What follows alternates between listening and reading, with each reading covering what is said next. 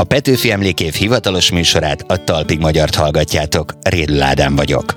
Ezt az epizódot az 1848-49-es forradalom és szabadságharc eseményeinek szenteljük, de ez csak az első rész, legközelebb is ezzel a témával foglalkozunk majd. A mai adásban leleplezzük a tankönyvekből kimaradt március 15-i történeteket. Kiderül, mi köze a kakasokhoz a kokárdának, Leülünk a Pilvaxban a közvélemény asztalához, és megcáfolunk egy legendát, ami nagy valószínűséggel mindannyiunk iskolai tanulmányainak ellentmond majd. Petőfi a múzeum előtt nem mondta el a nemzeti dalt. Megtudjuk, miért ugyanolyan a magyar és az olasz kokárda nem színhelyes a magyar kokárda, mert hogy voltak éppen kívül kellene lenni a zöldnek, utána a fehérnek és utána a pirosnak. És arra is választ kapunk, miként reagáltak egy pincérek közötti kémre, spióra a Pilvaxban. Nyilván ez tovább fűtötte bennük a forradalmi hangulatot, tehát hogy leszámolni azzal a rendszerrel, ami működteti ezt a besugó hálózatot. Irány 1848. március 15-e, és minden, ami a tankönyvekből kimaradt. Rajta magyar, vagy talpra magyar? 13 vagy 12 pont. És mi történt valójában a Nemzeti Múzeum lépcsőjén? Az 1848. március 15-i forradalomról és az azt követő szabadságharcról már mindent tudunk, amit tudni érdemes. De vajon tényleg így van? Fónagy Zoltán történésszel, az ELTE bölcsészkarának oktatójával benézünk a forradalom kulisszái mögé, és megmutatjuk, ami a történelemkönyvekből kimaradt. Köszöntelek a stúdióban. Szervusz, Adam. Nézzük először a 12 pontot. Az ellenzéki kör tagjai március 9-én egy ünnepi vacsorán országos petícióra készültek, és itt kerül képbe Irinyi József. Igen, több tucatnyi oldalas pártprogramokat kevesen olvasgatnak, tehát ezért született ez az ötlet, hogy leegyszerűsítve, pontokba foglalva hogy egy oldalon elférjen az egész, úgy foglalják össze ezeket a követeléseket. Irinyi József, aki ennek a körnek a tagja volt, a Kossuth által indított Pesti Hírlapnak a külpolitikai rovatvezetője mai szóval, őrá bízták ezt a feladatot. Ő egyúttal otthonosan mozgott, tehát beletartozott a a Petőfi körül kialakult írói, újságírói körben is, akik, körbe, akik a Pilvaxban gyülekeztek. Tehát Irinyi József volt az, aki ezt a 12 pontot egy petíció formájában megfogalmazta. Eredetileg 12 ponttal indult, aztán 13-ra módosult, aztán rájöttek, hogy az sok, és akkor összevontak kettőt, és maradt a 12. Miért volt ennyire fontos, hogy 12 pont legyen, és hogy alakult ez az összevonás? Mi maradt Fel... ki? Az első ellenzéki program Szatmár vármegyében született az ellenzéki legfontosabb ellenzéki elképzeléseknek az összefoglalása, amit akkor 12 pontban foglalták össze, és ez viszonylag ismerté vált, hogy talán ez inspirált egy különösebb magyarázatot nem tudunk ehhez fűzni, hogy miért pont 12. Ez a 12-13 kérdése egyszerűen arról van szó, hogy Hát az ellenzéki körben ezt a aláírásgyűjtést elhalasztják 12-én azzal, hogy ne csak Pesten gyűjtsenek, hanem országszerte. Erre az ellenzéki párt elnöke Battyányi Lajos adja az áldását. Igazi, kicsit elráérünk arra még módon halogatják. Ez nem tetszik a a pilvaxbeli fiatal körnek, akik radikálisabb, türelmetlenek, ezért ők 14-én este amikor a Bécsi gőzhajóval érkezők meghozzák az előző napi március 13-i Bécsi forradalomnak a hírét, ők elhatározzák, hogy már pedig itt azonnal a cselekvés terére kell lépni, másnap. Igenis ők valahogy tömegtámogatást szereznek ennek a 12 pontnak, ha máshol nem, akkor legalább Pesten. És ők átfogalmazzák ezt a 12 pontot, mindenképpen bele akarják venni a politikai foglyok szabadon bocsájtását. Olyan jól hangzik ez a 12 pont, tehát hogy ne legyen belőle 13, ezért ezt úgy oldják meg, hogy a, az előző két pontot, ami úgy hangzott, hogy a magyar katonákat ne vigyék külföldre, és a külföldi katonákat vigyék el Magyarországról, ezt összevonták, 12-nek pedig a politikai foglyok szabadon bocsájtása. Ez hadd fűzzem még hozzá azt, hogy ennek a pontnak a bekerülése azért azt mutatja, hogy olyan nagyon mélyen nem feltétlenül voltak tájékozottak ezek a fiatalok a magyarországi politikai viszonyokba. Igazából összesen ketten ültek sajtóvédségért, tehát mondjuk, hogy politikai okokból börtönben, sőt előzetes letartóztatásban 48-ba, tehát ne valamiféle ilyen rákosi korszakbeli diktatúrának képzeljük el ezt a 48 előtti abszolutizmust. Most pedig Mythbusters jön. Kigyűjtöttem néhány dolgot, amikkel kapcsolatban hát nem sokára kiderül, hogy legendák, vagy a valóban megtörtént esetek-e. Talán induljunk onnan, hogy hogyan kerültünk rajtról talpra. És tényleg igaz-e az, hogy rajtra magyarként indult, csak Szikra Ferenc közölte, hogy hát először fel kéne állni, és csak utána lehet rajtolni nem lehet megállapítani, hogy hol született, vagy mikor született ez a legenda. Petőfi saját naplója, vagy elbeszélése eléggé valószerűtlenné teszi ezt, hiszen ő rögzíti, hogy 13-án erre a 19-én tervezett banketre készülve otthon írja a nemzeti dalt, még azt is megjegyzi, miközben a feleségem, Szendrei Júlia nemzeti szín főkötőt hímezgetett velem szembe.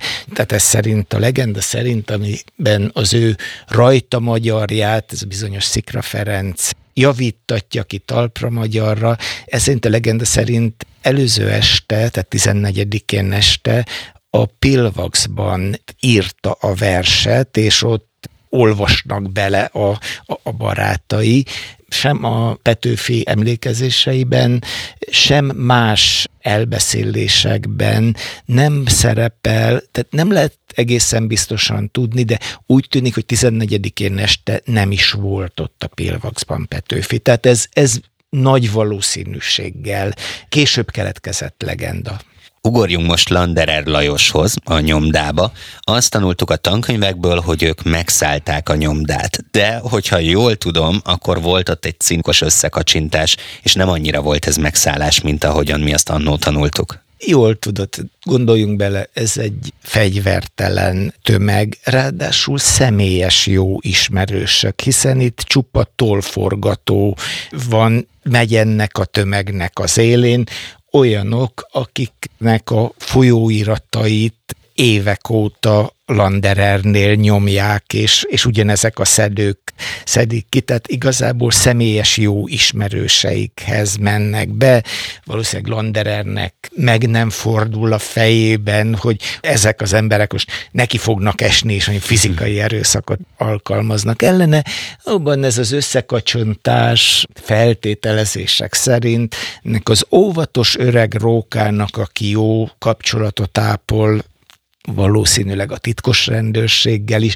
Tehát ez afféle alibit próbált szerezni egy ilyen tetetett tiltakozással megkérdezi őket, hogy hát hol a cenzornak az aláírása, és akkor mondja, hogy nincsen, és akkor kacsintod, hogy hát akkor foglalják le a nyomdát. Tehát igen, ez a Biedermeier testnek a hangulatához hozzátartozik. Tehát az erőszaktól való írtózás mindkét részről. Eközben gyülekezett a tömeg a Nemzeti Múzeumnál. Kicsit fessük le, hogy milyen volt ott az idő, illetve Petőfiék hogyan verekedték át magukat a tömegen, és hogyan kerültek a szónoki emelvényre átverekedés nem kerül szóba, hát valószínűleg ők, tehát jó időben ott voltak, még mielőtt a tömeg összegyűlik. Ezt a szemerkélő esőt, ezt minden leírás hangoztatja március 15-ével kapcsolatban, tehát ez valószínűleg tény. Most, hogy mondod azt, hogy jó időben, azért az időjárásról ez nem elmondható, és állítólag kicsivel volt fagypont fölött a hőmérséklet, illetve amin én elgondolkodtam, hogy hát hangosítás, hangosító rendszer nem volt. Hallották az emberek Petőfit? Igazából a leírások a múzeum előtti népgyűléssel kapcsolatban a leghiányosabbak. Tehát igazából nem lehet tudni, hogy ott ki beszélt, mi hangzott el. Azt nagyjából biztosra lehet venni, elég határozottan kijelenthetjük, hogy Petőfi a múzeum előtt, tehát onnan a Melvédről, ahol az emléktábla is van, nem mondta el a nemzeti dalt. Ezt az ő saját naplószerű esemény rögzítésére hivatkozva állíthatjuk ilyen határozottan. Megírta, hogy négy helyen, tehát a nap folyamán négyszer szavalt el a, a nemzeti dalt, a Pilvaxban, az orvosi karon, az egyetem téren és a Landerer nyomda előtt, és nem említi a múzeumkertet. A múzeumkertbeli népgyűlésnek az volt a szerepe, ott döntik el, hogy nem aláírásokat gyűjtenek a délelőtt kinyomtatott 12 pontra, hanem elmennek a városházára, és követelik, hogy a városvezetés álljon emögé. Pontosabbat nem lehet tudni, hogy mi történt a múzeum előtt. Azt nagyon nagy valószínűséggel ki lehet jelenteni, hogy Petőfi nem szavalta el ott a nemzeti dalt. És este a Nemzeti Színházban koronázták meg ezt az egész napot, lecserélték a műsort, a bánkbán került terítékre, Jókai Mor beszédet is mondott. Kíváncsi vagyok, hogy egyrészt milyen hangulat lehetett ott, másrészt másnap reggel hogy ébredtek ezek az emberek? Azt, hogy a bánkbánt adják elő este, ezeknek a márciusi fiataloknak, tehát akik vezetik a forradalmat, nekik jutott eszébe. Ugye délben tartottak ebédszünetet. A Landerer nyomdánál dél körül ért véget a, a nyomtatás és népgyűlés, és a háromra hirdettek új népgyűlést a, a múzeumkertbe. Ez alatt Petőfiék és társai több csoportra oszolva egyrészt a szerkesztőségeket járták végig, mint egy készítették elő a forradalomnak a PR-ját a sajtóban, egy csoportjuk pedig a színház igazgatójához ment el, kérve, hogy bármilyen zűrt okoz is egy ilyen gyors műsorváltozás, de este a, a néhány évvel korábban bemutatott, és már is egyfajta nemzeti jelképnek számító bánkbánt adják elő, és hát a színházban olyan izgatottság volt a, a nézőtéren is, hogy még ez a mondom, nemzet, már nemzeti szimbólumnak számító dráma is túl közvetett volt, túl hosszú, tehát félbe kellett szakítani az előadást, mert a közönség a nemzeti dalt követelte, és ezt ott a színpadon a Nemzeti Színház egyik legnagyobb sztárja, egyik legnagyobb korabeli sztárja, Egressi Gábor, aki Peturbánnak a szerepét játszotta, még a darabbeli jelmezében harsogta el, majd még a, aznap este, vagy, vagy ezt követően egy rögtönzött dallamra a színház kórusa el is énekelte a nemzeti dalt. Hogyan keltek fel ezek a fiatalok másnap reggel? Az volt bennük, hogy na most akkor elértük, amit akartunk, és minden rózsás lesz innentől? Egyrészt óriási önérzettel ébredtek, tehát nagyon büszkék voltak arra, hogy tegnap ennyi embert meg tudtak mozgatni, és, és föl tudtak lelkesíteni. Egyrészt nagyon elégedettek voltak, másrészt egy lázas tevékenységgel folytatódott 16-án a forradalom. Zoltán, nagyon szépen köszönöm a beszélgetést. Köszönöm a meghívást.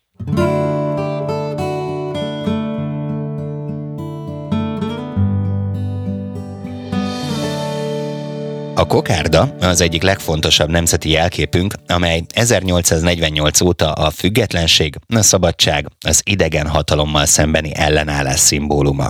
A piros az erőt, a fehér a hűséget, a zöld a reményt jelképezi. De vajon mi a helyes sorrend?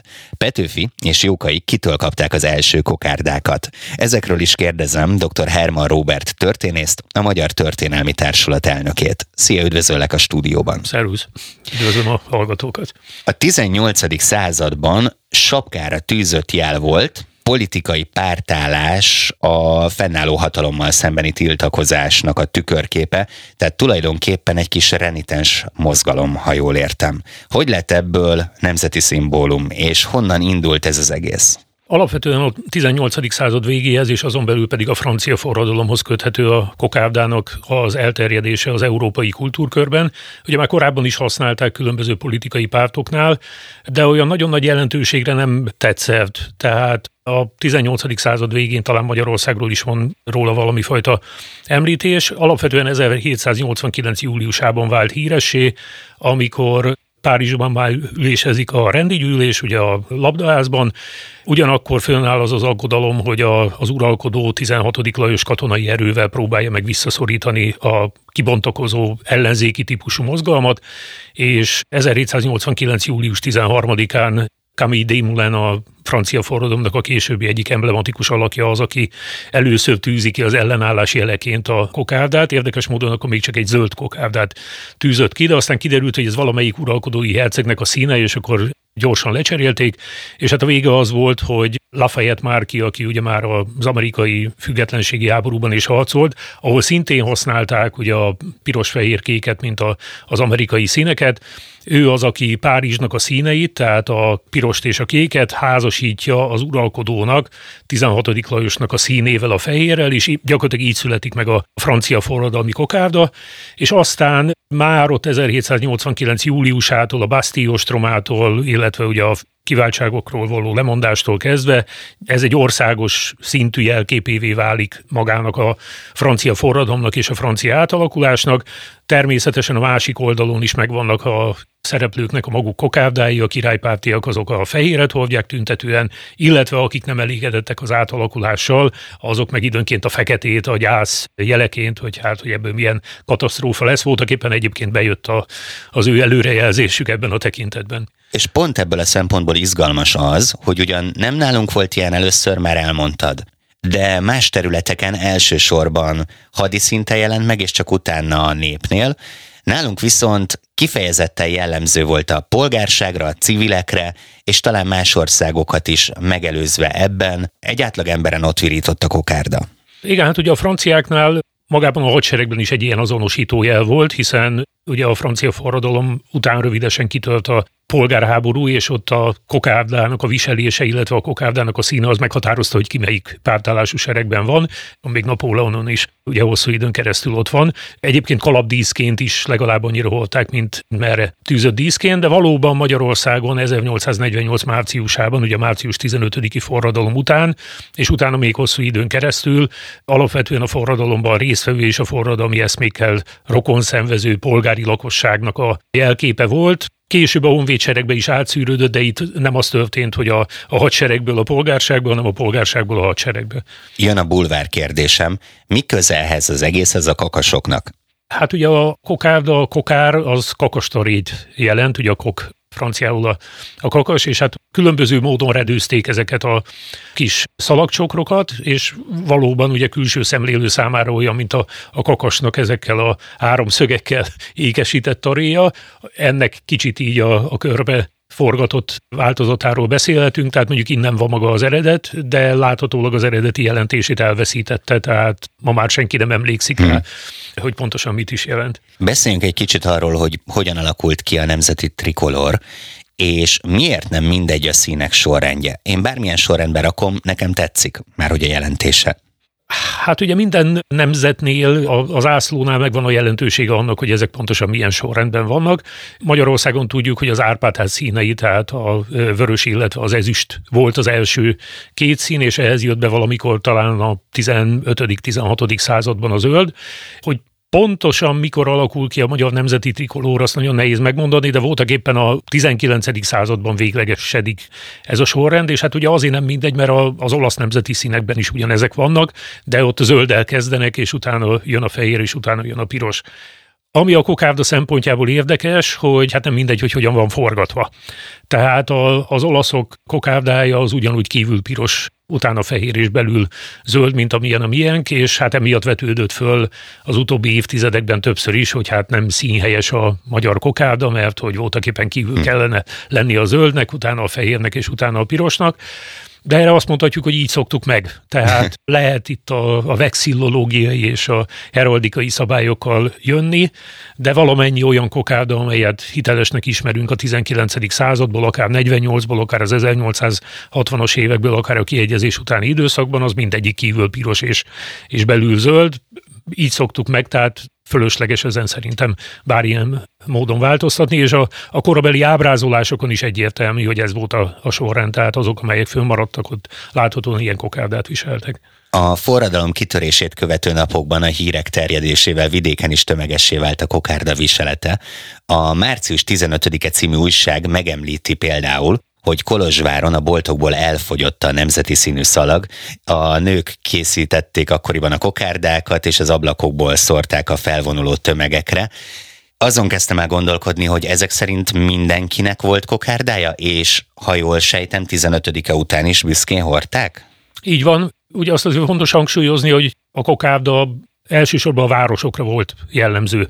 Tehát nem valószínű, hogy a jobbágyfalvakban azzal kezdték volna, hogy a jobbágy felszabadítás örömére azonnal kitűzik a kokárdát, de az minden további nélkül elképzelhető, hogy amikor megszervezik a nemzetőrséget egy-egy faluban, és mondjuk nincs egyenruhára pénzük, vagy nincs lehetőség arra, hogy egységes egyenruhát hordjanak, akkor ott a nemzeti színszalaggal, vagy akár egy kokárdával, egy ilyen szalag csokrétával különböztették meg magukat a nem fegyverviselő és nem nemzetőri lakosságtól. Amikor a Petőfi Irodalmi Múzeumban jártam, láthattam Jókai Mór eredeti kokárdáját. Kérlek, avasd be minket, hogy a reformkori hőseink kitől kapták a kokárdákat, és hogyan, mikor? Hát alapvetően a Jókai kokárdájának tudjuk az eredetét. Ugye mindig szokták emlegetni, hogy Szendrei Júlia nemzeti színfőkötőt valt már március 14-én este, de ez nem kokárda.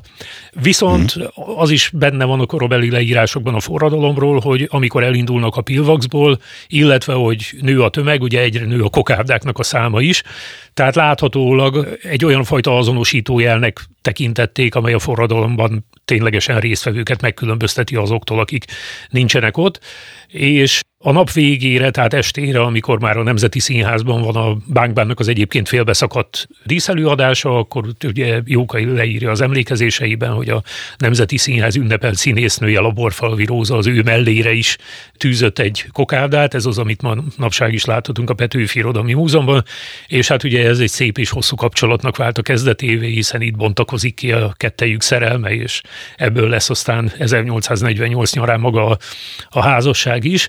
Nagy valószínűséggel ugye Vasvári Pál Teleki Blanka grófnőtől kaphatott kokárdát, hiszen köztük is volt egy ilyen nagyon erős, talán a rokon szemnél erősebb szívbéli viszony, és a Vasvárinak a korabeli képein is látszik ennek a kokárdának a, az ábrázolása. Petőfinek meg hát lehet, hogy maga Szendrei Júlia volt, csak mondom magukból a forrásokból ez nem derül ki egyértelműen.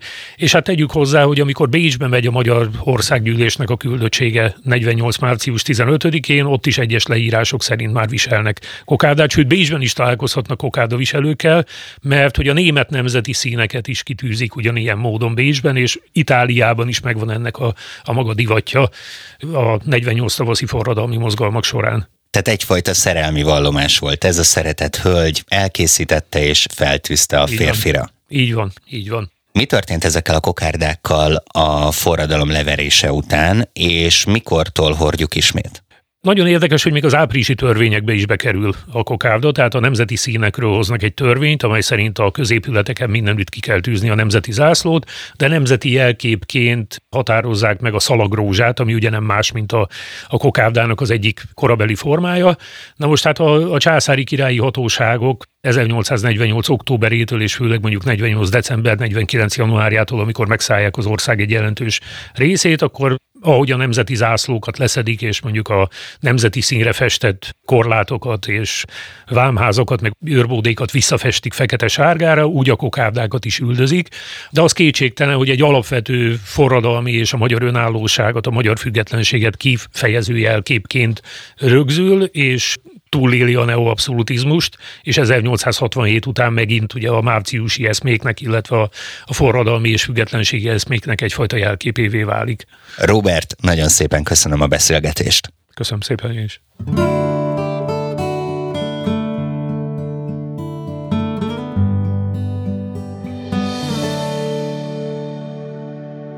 Micsoda figyelmet élvezünk Bécsben. Ő felsége minden nap a kancelláriától érdeklődik, hogy mit mondott előző reggel Pák Berci a Pilvaxban. Mi több, amint Zsófia hercegnő felébred, azonnal megkérdezi Metternichet, nem mondott-e Petőfi ismét valami lázítót a Pilvaxban olvasható Jókai Mor visszaemlékezésében. A Talpig Magyarban most a márciusi ifjak helyére látogatunk el, Flir Gergelyel, aki könyvtáros, valamint a Pest-Buda város történeti magazin munkatársa. Szia, üdvözöllek a stúdióban! Szervusz, örülök, hogy itt lehetek.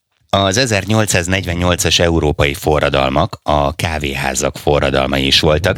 Elég a párizsi forradalmárok barikádjaira gondolni, ami többnyire a kávé tortóni asztalaiból állt. Nálunk miért éppen a Pilvaxra esett a választás, és miért ennyire fontos a kávéházak szerepe a forradalomban? Hát ez a fent említett, hogy idézett jókai szöveg, ez nagyon jellemző a, arra az életérzésre, ami a márciusi ifjaknak lehetett a, a mozgatója, tehát ez a fiatalosság, polgárpukkasztás, az uraknak a fő nemeseknek a kifigurázása, és hát a Pilvax, mint a városnak egy központi helye, egy jó telepe volt ennek, ahol összejöhettek, megtárgyalhatták a friss eseményeket, és egy nagyon divatos helye volt a kornak a kávéház. És hát Magyarországon tulajdonképpen már akkor elég nagy múltra tekintett vissza a kávéház intézménye. A kávét már a törökök óta ismerte ugye a magyar nép, és hát maga a kávéház szó is érdekes volt, már 1738-ban leíratott. Igaz, hogy Mikes Kelemen által, aki Törökországban a emigrációban volt ekkor már.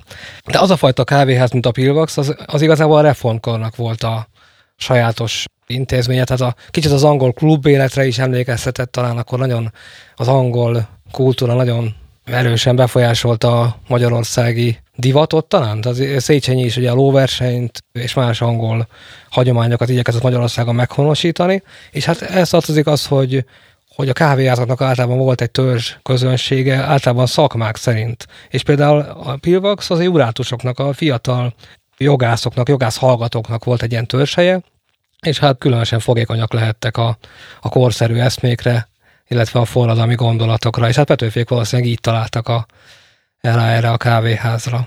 Itt az írójelöltek szürcsölték a kávét, verték a kártyát, forgatták a hírlapokat, és kergették az elefántcsont biliárdgolyót. De jól tudom, hogy Petőfi, hát kétféleképpen él az emlékezetekben. Van, aki azt mondja, hogy ő biliárdozásból élt meg, és azt mondta, hogy nem tud játszani, de azért pénzben fogadott és nagyokat nyert.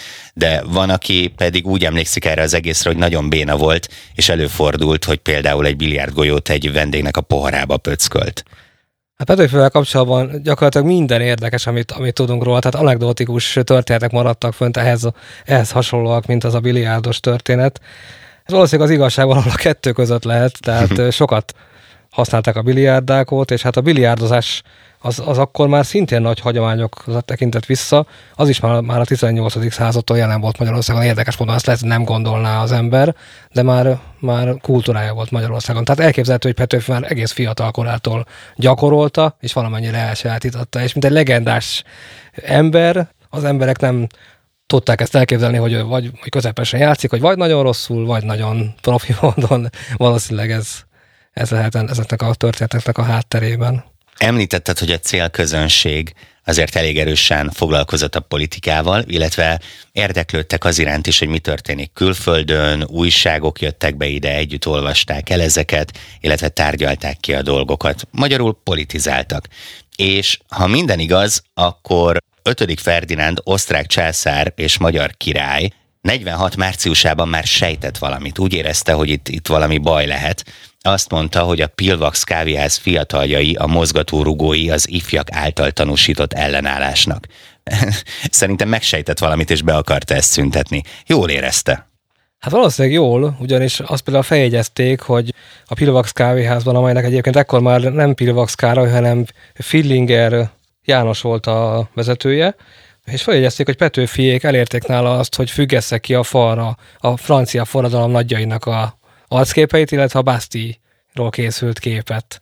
Tehát valószínűleg Petőfiékben lehetett egy olyan kurázsi vagy vagányság, hogy ha bár tudták, hogy minden bizonyal császári besugók veszik őket körül, akár a Pilvax pincérei között is lehettek ilyenek, ők valahogy próbálták feszegetni a határokat, és, és egy-egy szúrós megjegyzéssel, vagy, vagy császárellenes szólammal provokálni, úgymond a hatóságokat, és hát ez eljutott ezek szerint valóban a, egészen a császárig is. Itt tényleg nagy dolgok történtek. Ide futott be például az esti hajóval a hír, hogy Bécsben kitört a forradalom. De most egy pillanatra kanyarodjunk rá a spionokra, mert hogy állítólag a pincérek között császári kém, policálybesúgó lehetett. Ez nem tűnt ki? Tehát azért ott elég okos emberek voltak. Nem volt furcsa az, hogy mondjuk a pincér elkezd hallgatózni az asztal mellett? Hát igen, ez, ez valóban eléggé érdekes szituáció lehetett, pláne olyan heves vérmérsékletű emberek esetében, mint Petőfi volt, és hát nyilván ez tovább fűtötte bennük a, a forradalmi hangulatot, tehát hogy leszámolni azzal a rendszerrel, ami működteti ezt a, a legintimebb szférába is behatoló besugó hálózatot. Sok érdekes dolgot találtam ebben a kávézóban, de ez egyik legizgalmasabb a közvélemény asztala. Mi ez pontosan? Hát a közvélemény asztala tulajdonképpen valóban egy asztal volt, egy kerek márványasztal, amit piros-fehér-zöld posztóval terítettek le. És hát ennek a hagyománya tulajdonképpen már Pozsonyban kialakult, ahol a, az országgyűléseket tartották, és a pozsonyi polgárok egy asztal körül jöttek össze megvitatni, akár képviselők jelenlétében is a pozsonyi országgyűlésen zajlott eseményeket. És hát ez Pestre átkerült, az a hagyomány, és a Pilvaxban kapott helyet az, asztal. És hát ehhez az asztalhoz kapcsolódik Petőfinek az asztal társasága, a Tizek társasága, ami a márciusi ifjaknak a tulajdonképpen a magját jelentette. Nézzük meg egy kicsit a Pilvaxnak a jövőjét. Egyébként egy picit igazságtalannak tartom, hogy azt hiszem talán 46-ban Fillinger János vette át ezt a helyet, a nevet megőrizte, de hát ő volt ez, aki hajnalban felkelt és a hidegben pörkölte odakint az udvarban a kávébabokat, hogy ők frisset ihassanak, és mégsem az ő neve maradt fenn. Mi lett ezzel az egésszel így a forradalom leverése után? Megmaradt-e a Pilvax? Dolgozott-e tovább Fillinger János? Hát Fillinger Jánosnak valóban ráment úgymond a karrierje a Pilvaxban történtekre. Elég nehéz lehetett számára, mert valószínűleg a forgalom sem volt olyan, mint korábban, illetve hát a, Bach korszaknak, a, a forradalom utáni időszaknak a, a szomorú, rossz hangulata nem éppen egy kávéházi aranykort sejtett, és hát 1851-ben ott kellett hagyni a, a Pilvaxot, és máshol bérelt kávéházat a belvárosban, a Sebestyén téren. Úgyhogy ott tudta folytatni a munkáját, de már korán sem olyan, olyan nagy figyelemmel lett, mint korábban. Összegezve ezt az egészet, azt mindenképpen kijelenthetjük, hogy a Pilvax központi hely volt, enélkül a hely nélkül valószínűleg nem úgy alakultak volna a dolgok, és amúgy szerintem praktikus volt, hogy a politikai életnek is így a középpontjában volt, tehát ott körülöttük történt minden, közel voltak mindenhez, és mindenki hallott mindenkiről. Igen. Egyébként érdekes anekdóta az is, hogy amit mindenki úgy tart számon, hogy a Petőfi a Nemzeti Dalt a múzeum, Nemzeti Múzeum lépcsőjén szavalta el, ez valószínűleg nem volt így, viszont azt tudjuk, hogy a Pilvaxban szavalt el először, úgyhogy ez, ez is a helynek a jelentőségét emelte. Ugyanúgy, ahogy a 12 pontot is Jókai itt vetette papírra a közvélemény asztala mellett. És egy zárójeles utóirat megjegyzés, akik ide jártak, többnyire nem voltak nagyon pénzesek, de a Pilvaxban mindig minden nap volt akció, ha az ember kávét vett, kapott hozzá reggelit, úgyhogy nem kellett éhesen menni forradalmat indítani. Igen, és az is, az is a korábbi reklámokból tudjuk, hogy minden reggel friss tejszín hoztak a, hozattak a kávéhoz, hogy nagyon jól tartották a vendégeiket, és igényes hely volt. Végezetül hadd kérdezzem meg, hogy mi a helyzet ma a Pilvaxal? Újra létezik?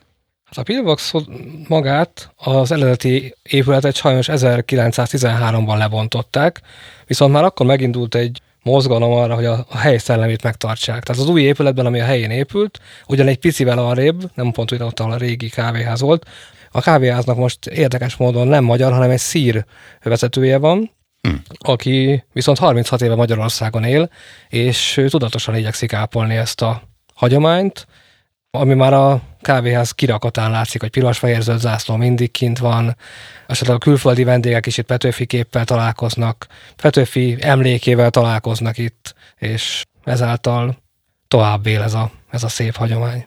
Ez is egy újabb vonal, ahogy a reformkor nyomot hagy. Már csak az a kérdés, hogy vajon van-e reggeli akció? Nem tudom.